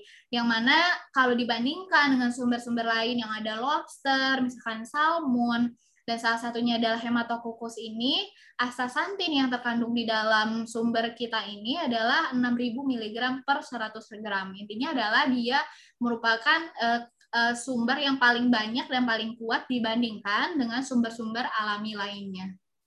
Jadi kalau dikomparasi itu dia bisa memiliki 20.000 kekuatan lebih kuat daripada astaxanthin dengan sumber lainnya. Oke. Nah, uh, sedikit eh, berikut adalah uh, share kita mengenai produk yang cocok nih mengenai produk atau topik kita pada hari ini mengenai pertama adalah uh, kulit yang kusam, lalu yang kedua adalah flek-flek hitam.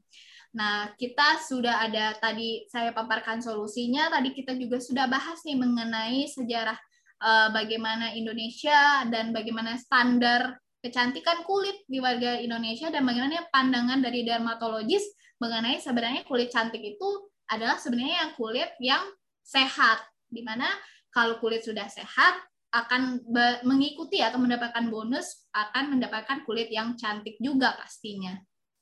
Oke. Okay.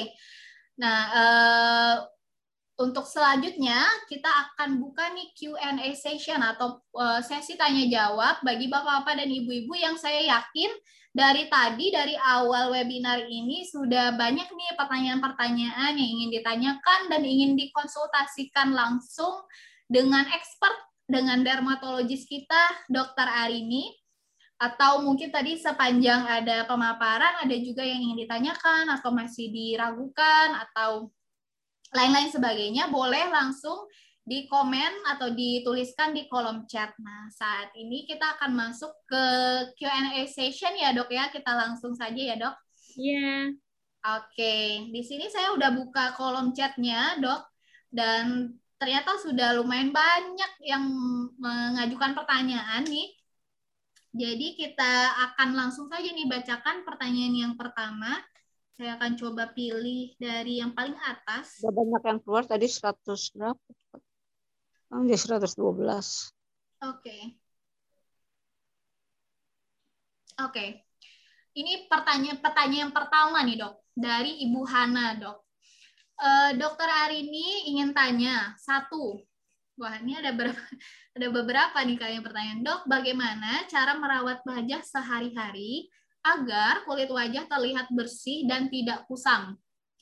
Uh, mungkin langsung ke pertanyaan dia yang uh, yang bersangkutan. Yang kedua adalah dok, apakah boleh melakukan facial setiap minggu dengan menggunakan uh, masker wajah? Oke, okay. boleh uh, silakan langsung dijawab dok. Thank you pertanyaannya Hana. Thank you juga udah join uh, webinar ini. Pertama, jadi uh, merawat wajah sehari-hari. Tentunya sebelum kita saya kasih tips-tips untuk merawat wajah sehari-hari, saya mau ingatkan juga bahwa kalau dalam kita sebelum uh, merawat wajah dan pemilihan skincare apa pun, tentu kan sebelum kita merawat kan kita pilih skincare-nya dulu kan. Nah, itu kita harus mengenali problem kulit kita dan tipe kulit kita. Jadi kita bisa memilih skincare dan perawatan yang tepat untuk kulit kita. Nah, pada dasarnya saya nggak tahu nih, uh, Hana kulitnya kayak apa Misalnya kalau kita hari ini lagi ngomongin kulit kusam, terus ada pigmentasi, tentunya kita pilih produk yang memang uh, tulisannya whitening, brightening, seperti yang tadi saya jelaskan. Ada klaim-klaim tersebut supaya tujuan dari um, skincare-nya Hana tuh tercapai, harapannya tuh tercapai. Dan juga disesuaikan dengan kulitnya. Pada dasarnya misalnya kalau kulitnya kering, kita pakai agent yang moisturizing, jangan yang terlalu bikin kulit menjadi kering, jangan pakai yang alkoholnya tinggi, dan lain-lain.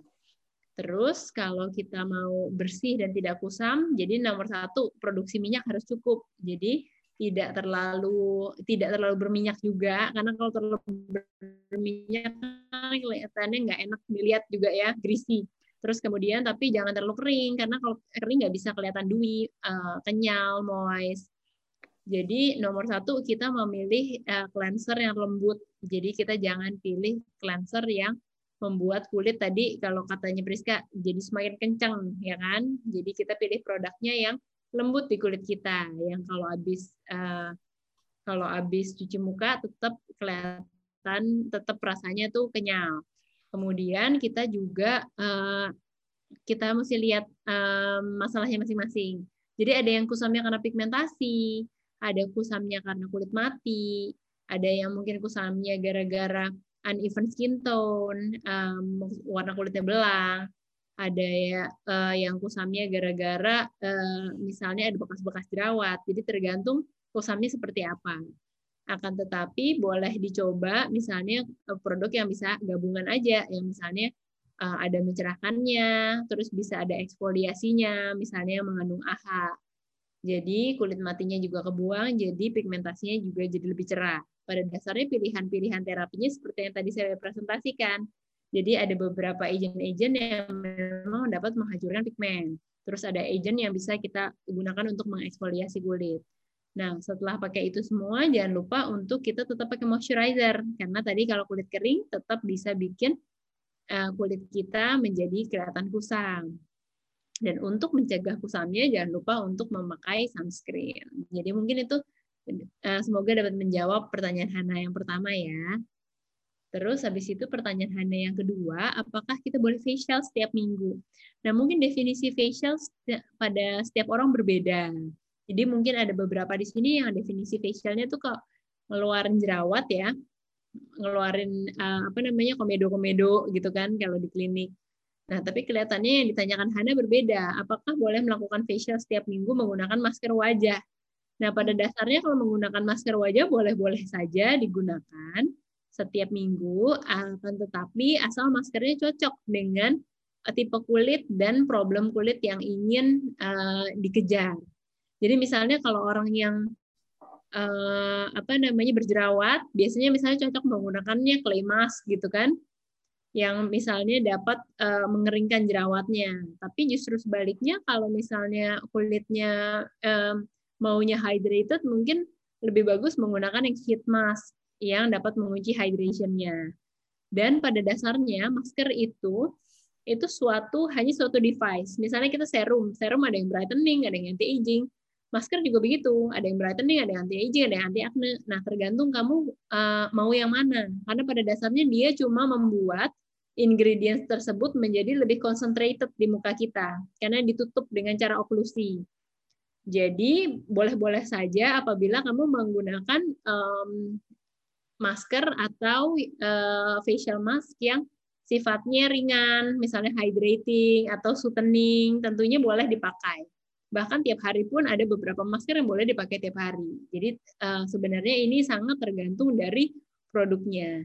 Idealnya kamu harus um, lihat di packaging karena kadang-kadang setiap produk yang diciptakan itu memiliki uh, nasihat yang berbeda-beda, instruksi yang berbeda-beda. Misalnya kalau kita lagi ngomongin produk Unihealth hari ini, uh, tadi kan Priska ngomong kalau serum sama night cream pakainya ya malam gitu. Itu ada tujuannya. Kenapa misalnya ada ingredients yang misalnya kalau dipakai di pagi hari itu um, mungkin di sebagian orang bisa sensitif gitu kalau kena matahari. Jadi akan lebih aman kalau dipakai di malam hari. Misalnya begitu. Jadi ikuti juga petunjuk dari setiap produknya tersebut. Semoga membantu ya. Oke, terima kasih dokter Arini atas jawabannya. Mungkin saya sedikit tambahkan nih dok untuk uh, Ibu Hana tadi uh, apa sih saran untuk skincare biar wajahnya uh, terlihat bersih dan tidak kusam. Jadi tadi dari dokter Arini menyarankan dipilih ingredients atau kandungan-kandungannya yang bisa memang tujuannya adalah untuk mencerahkan kulit dan juga kalau bisa secara uh, paralel atau secara bersamaan itu mengangkat sel-sel kulit mati karena kita tahu bahwa kulit mati juga menyebabkan uh, wajah terlihat menjadi kusam. Nah, ini pas kali nih dengan produk yang sudah kita bahas yaitu BI2 yang mana memang produk ini spesifikasinya atau kita khusus buatkan untuk meningkatkan kecerahan wajah dan juga mengatasi flek hitam. Nah, boleh nih dicoba nih Dok uh, Bu Hana untuk penggunaan produk ini dan juga uh, tadi untuk uh, cara penggunaannya betul sekali kata dokter Arini kalau susuk BI itu ini kita serum itu kita anjurkan untuk digunakan malam hari. Jadi penggunaan uh, di pagi harinya cukup menggunakan facial wash atau pembersih wajah dan lalu langsung ke day cream atau pelembab wajah yang mana day cream ini sudah ada uh, sun protectornya atau sudah ada uh, pelindung dari sinar mataharinya. Oke, semoga menjawab. Lalu selanjutnya, hmm, oh masih dari Bu Hana nih dok. Ternyata Bu Hana sangat aktif sekali. Ini ada pertanyaan selanjutnya, dok. Bisakah dijelaskan mengenai retinol dan seberapa se, seberapa fungsi dan kegunaannya pada wajah kita? Oke, juga retinol juga sedang hype-hype-nya ya dok ya. Lalu yeah. eh, yang terakhir adalah dok, apakah sunscreen dengan pH 50? Oh, mungkin maksudnya SPF 50 iya. aman untuk digunakan sehari-hari. Oke, mohon dijawab, dok. Oke, menjawab pertanyaan Hana. Jadi pertama retinol. Retinol itu adalah sebenarnya derivat turunan dari vitamin A. Nah, kalau misalnya uh, derivat vitamin A itu ada banyak. Jadi kalau kita lihat di skincare ada yang retinol, ada yang retinaldehyde dan lain-lain.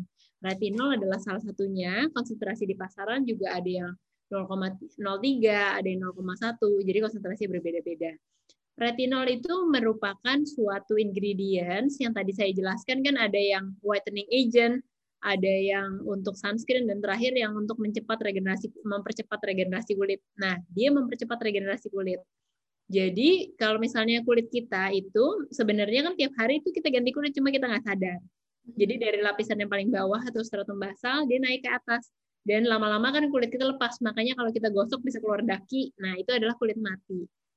Pada dasarnya kita ganti kulit itu sekitar 28 hari, jadi kira-kira satu bulan. Nah, fungsinya retinol itu mempercepat proses tersebut. Pada dasarnya, setiap, seiring dengan kita usia, yang tadinya kita harusnya 28 hari, itu mungkin lama-lama turun. Jadi mungkin 28 hari itu dewasa. Kalau misalnya anak-anak mungkin 20 hari karena regenerasinya lebih bagus, dia lebih cepat. Makanya kalau kita lihat anak-anak, aduh kok dia luka sembuhnya bagus banget ya. Kita kok jerawat aja eh, bekasnya lama banget ya hilangnya. Kan istilahnya gitu. Kenapa? Karena mereka regenerasi masih bagus. Jadi fungsinya retinol di situ itu. Jadi dia mempercepat regenerasi kulit, jadi namanya flek lebih cepat hilang, namanya jerawat lebih cepat hilang. Jadi dia merupakan ingredients yang multifungsi. Akan tetapi harus hati-hati karena memang retinol tidak uh, tidak semua orang cocok. Kenapa? Karena dia lebih uh, iritatif. Dan kita harus hati-hati mencampurkan retinol. Misalnya pada ingredients yang misalnya tadi ada AHA-nya, vitamin C, itu kita harus lebih hati-hati karena tidak bisa langsung dicampur aja. Jadi kamu harus memakai ini dulu dan memakai retinolnya nggak ada apa-apa, baru suatu hari kamu coba dan cuma coba di spot test dulu. Kalau kamu tidak iritatif, baru kamu boleh teruskan. Jadi retinol itu suatu ingredients yang bagus, tapi uh, harus hati-hati pemakaiannya karena tidak cocok untuk semua orang. Tapi dia dapat dia dapat dipakai sebagai anti aging dapat dipakai sebagai brightening dan bisa dipakai sebagai anti acne juga. Kemudian mungkin untuk pertanyaan Bu Hana selanjutnya, apakah sunscreen dengan SPF 50 aman untuk digunakan sehari-hari? Aman untuk digunakan sehari-hari. Jadi pada dasarnya namanya sunscreen justru direkomendasikan untuk digunakan sehari-hari. Justru semakin tinggi SPF-nya artinya proteksinya semakin bagus. Terus mungkin ada ter pertanyaan terakhir dari Bu Hana nih, UVA dan UVB dan UVC itu banyak efek negatifnya, apakah benar? Dan waktu yang tepat untuk ketiga sinar itu untuk tubuh kita. Jadi nomor satu adalah yang dapat masuk ke jadi ultraviolet memang ada A, B, C, tetapi yang bisa masuk ke bumi itu cuma A dan B. yang UVC itu kita banyak dipakai sekarang di di steril alat-alat steril alat-alat medis, tapi sebenarnya dari sinar matahari UVC tidak masuk ke bumi. Jadi kita nggak usah khawatir dengan UVC. Dan namanya sunblock biasanya dia proteksi terhadap UVA dan UVB. Uh, eh, jadi apakah banyak efek negatifnya benar? Jadi UVA dia bisa membuat pigmentasi kulit dan dia bisa buat penuaan kulit, sedangkan UVB bisa buat sunburn dan terutama dia bisa bikin kanker kulit. Jadi tentu efeknya buruk. Nah, waktu yang tepat untuk kita dapat sinar matahari ini adalah terutama yang kita cari adalah UVB doang. Kenapa? Karena UVB itu yang uh, dapat membentuk vitamin D. Makanya kita disuruh jemur-jemur itu karena kita cuma mau dapat UVB doang. Sebenarnya kita nggak mau sinar yang lain. Nah, waktu yang tepat itu kira-kira jam 9 pagi. Jadi jam 8 jam 9 pagi kalau kita mau ngecek ada aplikasinya namanya UV Index Nah, kita bisa ngecek kita maunya berjemur kira-kira di UV index kira-kira 5 lah gitu. Jadi jangan di UV index yang tinggi. Jadi tidak pernah disarankan untuk uh, berjemur di UV index yang tinggi dan kemudian yang disarankan adalah namanya berjemur misalnya jam 8 jam 9 pagi cuma 15 menit. Jadi bukan artinya kita kayak berjemur jam 12 siang 2 jam. Nah, itu efeknya justru malah lebih buruk untuk tubuh kita, terutama untuk kulit kita dibandingkan benefitnya. Jadi moga-moga dapat menjawab semua pertanyaan Bu Hana ya. Oke, terima kasih dok atas jawabannya. Tadi ada disinggung uh, untuk spot test ya dok ya. Yeah. Sebenarnya spot test itu sebenarnya untuk tahu uh, kita cocok atau tidak dengan skincare ini. Nah, sebenarnya idealnya untuk uh, spot test ini bisa di, diaplikasikan di mana dan seberapa lama nih dok? Sampai kita tahu uh, whether kita bisa menggunakan skincare ini atau tidak. Jadi pada dasarnya kita taruh di kira-kira misalnya produknya mau kita taruh di wajah. Jadi tentunya kulit uh, tangan sama wajah beda kan. Jadi sebenarnya yang biasanya saya sarankan misalnya kita taruh di belakang telinga atau di telinga bagian depan. Jadi dia udah merepresentasikan kulit wajah tetapi uh, wajah tetapi uh, dia tidak uh, tidak kalau misalnya merah gitu tidak kelihatan sebenarnya hmm. gitu. Dan uh, kita boleh coba misalnya mungkin satu dua kali sebenarnya oke. Okay. terus misalnya yang terakhir bisa pakai di seluruh muka tapi tipis-tipis dulu.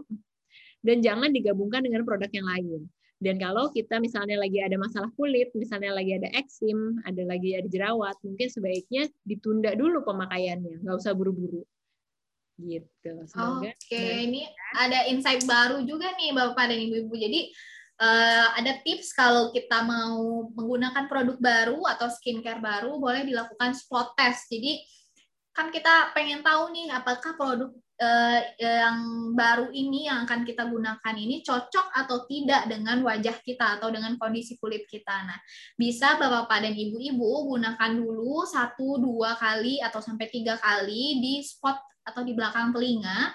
Jadi bisa dirasakan uh, efeknya, apakah ada terasa panas atau gatal atau efeknya tidak apa-apa atau memberikan efek yang baik. Nah, kalau tidak ada efek samping atau yang ketidaknyamanan yang tidak bisa dihandle berarti uh, produk tersebut cocok nih berkemungkinan cocok untuk digunakan di seluruh wajah. Oke, selanjutnya ya dok kita lanjut ke pertanyaan dari Ibu Ratna. Ibu Ratna Andayanti, pemakaian skincare yang lama dan kontinu apakah tidak akan merusak sel kulit? Dan apa perlu diregenerasi dengan skincare yang lain yang lebih soft? Dan apakah uh, di Unihealth ini skincare sangat aman bila digunakan dalam waktu yang lama. Oke, mohon untuk pertanyaan yang awalnya mau dibantu jawab, Dok. Nah, jadi pemakaian Bu Ratna, terima kasih atas pertanyaannya. Jadi Bu Ratna menanyakan skincare yang lama dan kontinu apakah tidak merusak kulit. Pada dasarnya kita menggunakan skincare uh, untuk merawat kulit. Jadi sebenarnya kalau misalnya justru uh, pada dasarnya kalau kita kulit kita uh, itu sebenarnya semakin kita usia akan semakin kering, akan semakin keriput. Terus habis itu kalau kita kena matahari tidak ada yang melindungi. Jadi tentunya pemakaian skincare itu tergantung fungsinya. Tentunya kita tidak memilih skincare yang berbahaya untuk kulitnya. Jadi memang ada beberapa skincare, misalnya skincare skincare ilegal yang uh, misalnya isinya bisa ada steroid, ada apa yang sebenarnya uh, dapat merusak kulit, akan tetapi mereka mengiming-iming misalnya tujuannya biar putih, biar apa gitu loh. Nah, tapi pada dasarnya kalau kita memilih skincare yang tepat, sebenarnya kulit kita menjadi semakin sehat, bukan menjadi semakin rusak. Nah, jadi kalau kita udah uh, tergantung dengan masalahnya. Jadi kalau misalnya kita tadinya berjerawat, terus kita eksfoliasi, terus habis itu udah nggak ada jerawatnya, apakah kita terus harus melakukan eksfoliasi terus-terusan? Tidak selalu. Akan tetapi, misalnya tergantung skincare-nya. Kalau skincare-nya kita pakai yang buat menenangkan kulit, misalnya isinya kayak aloe vera, mau digunakan terus-terusan juga sebenarnya tidak ada jeleknya. Jadi sebenarnya ini sangat tergantung dengan masalah kulit dan pemakaian skincare, tergantung dengan jenis skincare yang dipakai oleh Ibu Ratna. Mungkin pertanyaan selanjutnya bisa dijawab oleh Mbak Priska ya. Oke, okay.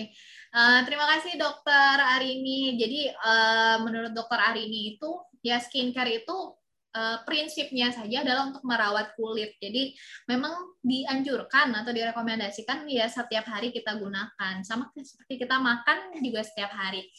Nah untuk uh, di notes ya lagi adalah uh, bagaimana kita pintar dalam memilih uh, skincare tersebut karena uh, bagaimana kita memilih eh, kandungan-kandungan uh, yang ada di dalamnya yang pasti harus berbahan yang aman untuk dipakai dan tidak mengandung bahan-bahan yang berbahaya, bahan-bahan yang ilegal yang bahkan tidak ada uh, registrasi BPOM-nya.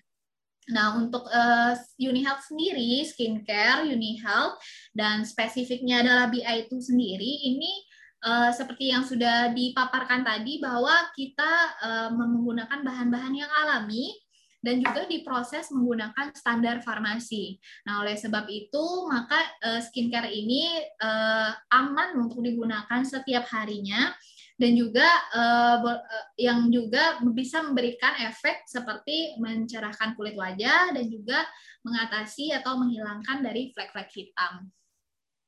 Oke, okay.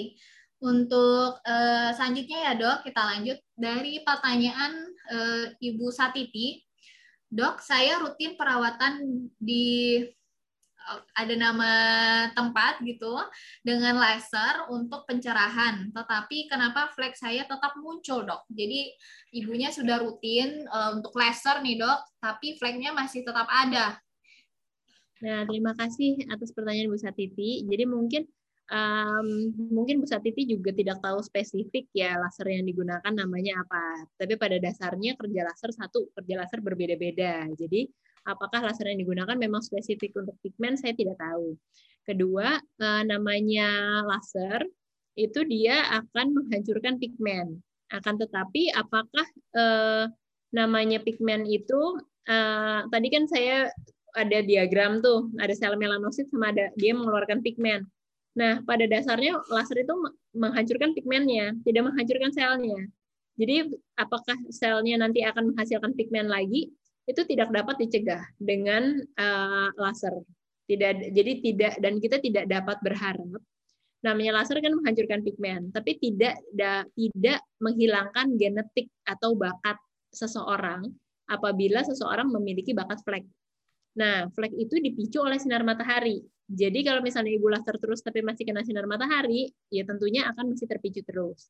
Kedua, memang ada beberapa tipe flek tertentu, misalnya melasma, itu justru dia uh, pakai laser nggak ngaruh-ngaruh banget gitu loh. Jadi ada beberapa flek yang memang bandel sekali dengan laser dan namanya laser itu spesifik. Misalnya tadi yang keratosis seboroik Morgan Freeman lasernya tuh kalau nggak erbium YX, CO2, electrocauter, tapi kalau lasernya melasma atau freckles tuh beda lagi, biasanya Q-switch NDX dan lain-lain. Jadi namanya laser itu spesifik dan sekali lagi tidak dapat menyembuhkan bakat kita. Namanya laser kan dari luar ya. Jadi tentunya tidak akan dapat menghilangkan bakat seseorang. Kayak seseorang misalnya asma, dia kita bisa membuat asmanya reda kalau dia lagi sesak. Akan tetapi apakah dia mencegah kalau dia kita udah kasih obat ABC, tapi apakah mencegah kalau dia kena debu dia nggak asma lagi nggak bisa. Jadi pada dasarnya beberapa flex sifatnya seperti itu. Ada beberapa yang sekali tindakan bisa hilang, tetapi ada juga yang tidak. Jadi perlu uh, diingat-ingat bahwa tadi ada pemicu-pemicunya. Namanya pemicu-pemicunya juga harus dihindari. Semoga menjawab pertanyaan Ibu Satiti ya. Oke, terima kasih dok. Jadi ternyata banyak faktor nih Bu Satiti. Jadi pertama dari jenis laser yang juga digunakan, lalu yang kedua faktor-faktor lain nih penyebab dari flek itu bisa jadi juga dari genetik atau bawaan atau bakat ya, atau faktor dari luar, apakah masih terkena sinar matahari atau udah menggunakan sun proteksi atau belum. Jadi uh, mungkin perlu digali lebih dalam lagi mengenai uh, masalah tersebut.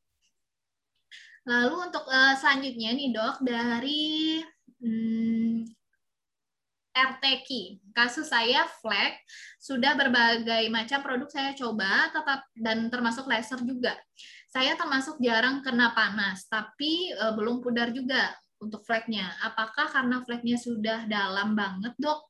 Mungkin agak mirip ya dok dengan pertanyaan sebelumnya. Ya, jadi uh, untuk uh, Nyonya Sobar ya, untuk Nyonya Sobar kasusnya memang flek. Nah, flek kan tadi saya udah kasih berbagai gambar ya kan. Ada yang memang bisa diobati dengan uh, dengan skincare, ada yang bisa diobati dengan laser, ada yang dengan keduanya sulit. Nah, saya belum melihat uh, untuk Nyonya Sobar nih flek itu seperti apa. Karena memang ada flek yang memang dengan skincare bisa hilang tapi lama banget. Jadi ada flek yang kadang-kadang mesti kita suntik dengan obat, ada beberapa flek yang mesti pakai laser. Tetapi pada dasarnya namanya flek itu uh, satu jadinya penanganannya spesifik tergantung diagnosisnya, tergantung jenis fleknya apa. Kedua, memang uh, beberapa flek memang susah, jadi mungkin membutuhkan waktu. Ketiga, uh, seperti yang tadi sudah disebutkan bahwa beberapa flek emang ada bakatnya, jadi mungkin di dalam perjalanannya sempat memudar, terus habis itu kambuh lagi. Jadi kita udah uh, pakai serum-serum apa dan lain-lain, udah pakai obat dokter, udah pakai laser, udah sempat memudar kena matahari, terus atau stres atau misalnya tadi ada faktor lingkungan lain, radikal bebas, terus dia terpicu lagi. Jadi eh, kadang-kadang tidak tergantung juga dalam atau tidak. Tentunya kalau flek yang lebih dalam lebih susah, lebih susah hilang. Kalau flek yang di atas dengan eksfoliasi aja kadang-kadang hilang kan dipiling dia dia di atas, dipiling juga udah hilang. Tapi kalau memang dalam memang biasanya lebih susah. Tapi untuk mengetahui spesifik apa yang Nyonya Sobar uh, alami mungkin harus dikonsultasikan ke dokter biar bisa kita lihat seperti apa. Oke, terima kasih ya. dok. Oke, mungkin kita akan jawab dua pertanyaan terakhir lagi ya dok ya. Uh, karena juga mengingat keterbatasan waktu, Uh, mungkin dua pertanyaan lagi akan kita coba jawab dari uh, ini Butter Channel. Day creamnya sudah ada anti UV juga. Oke, ini uh, akan saya jawab. Untuk uh, day cream atau pelembab siangnya sudah ada uh, sun protectornya atau pelindung dari sinar UVA dan UVB yang mana Di dalam pelembab ini kita sudah mengandung SPF 25. Tadi seperti uh, yang sudah saya coba saya paparkan bahwa SPF 25 ini untuk di Indonesia sendiri mungkin akan bisa memproteksi kurang lebih selama enam setengah jam. Jadi setelah penggunaannya juga direkomendasikan nih dianjurkan untuk di reapply atau digunakan kembali agar proteksinya bisa terus-menerus sepanjang hari. Oke, untuk pertanyaan eh, selanjutnya dari Ibu Diana, mau tanya untuk produk BI itu, oh, oke ini lebih ke produk. Saya udah coba baru beberapa hari kulitnya iritasi perih. Ibu saya juga coba kulitnya langsung beruntusan. Itu kenapa ya? Apakah tetap diteruskan atau dihentikan dulu? Saya pakai facial wash-nya, kulit rasa kering. Bagaimana solusinya? Oke. Ini berhubungan dengan produk. Jadi Bu Diana kalau dari sini yang bisa saya sebenarnya ini saya butuh informasi lebih lanjut lagi. Yang pertama adalah kondisi kulit saat ini dan juga um, produk yang digunakan sebelumnya. Karena ada beberapa faktor nih yang bisa menyebabkan efek-efek. Ini termasuk efek yang di luar dugaan berarti. Karena bukan uh, efek uh, dari produk itu sendiri. Jadi pertama adalah eh, bagaimana produk sebelumnya, apakah ada jeda penggunaan nih sebelum menggunakan BI itu, karena itu juga penting. Lalu yang kedua adalah kondisi kulit eh, Budiana saat ini, apakah kulitnya lebih sensitif atau kondisi-kondisi kulit yang lebih spesifik lainnya juga perlu informasinya. Lalu yang ketiga adalah uh, untuk kecocokan kulit juga seperti saran dari dokter Arini tadi, mungkin bisa dicoba untuk spot test terlebih dahulu di belakang telinga, eh, dua sampai tiga kali pemakaian dan uh, untuk dilihat nih efeknya apakah ada efek-efek yang tidak diinginkan atau efek yang tidak nyaman atau efeknya uh, bagus atau cocok. Nah setelah sudah tahu ini sudah dipastikan baru bisa digunakan ke seluruh wajah. Lalu yang keempat adalah uh, kembali lagi bahwa untuk uh, produk BI itu sendiri dari uh, kandungannya kita menggunakan bahan alami dan diproses dengan standar produksi farmasi dan uh, kita sudah uji stabilitas dan uji keamanan. Nah, cuman kita kembali lagi bahwa setiap produk itu ibaratnya adalah jodoh-jodohan juga. Jadi ada faktor kecocokan juga. Jadi kita perlu lihat juga apakah ada beberapa uh, kondisi kulit dari Ibu Diana yang mungkin uh, tidak cocok nih dengan beberapa ingredients atau kandungan di dalam BI2 ini. Jadi uh, untuk overallnya atau secara keseluruhannya, saya perlu nih untuk uh, lebih lanjut mengetahui uh, beberapa informasi lebih lanjut. Nah, mungkin Bu Diana bisa konsultasi lebih lanjut dengan saya, boleh atau hubungi nih RSM uh, eh, yang bersangkutan misalkan ke Pak Jafar atau ke Pak Raymond supaya bisa disambungkan dengan saya. Nanti kita akan uh, diskusikan lebih lanjut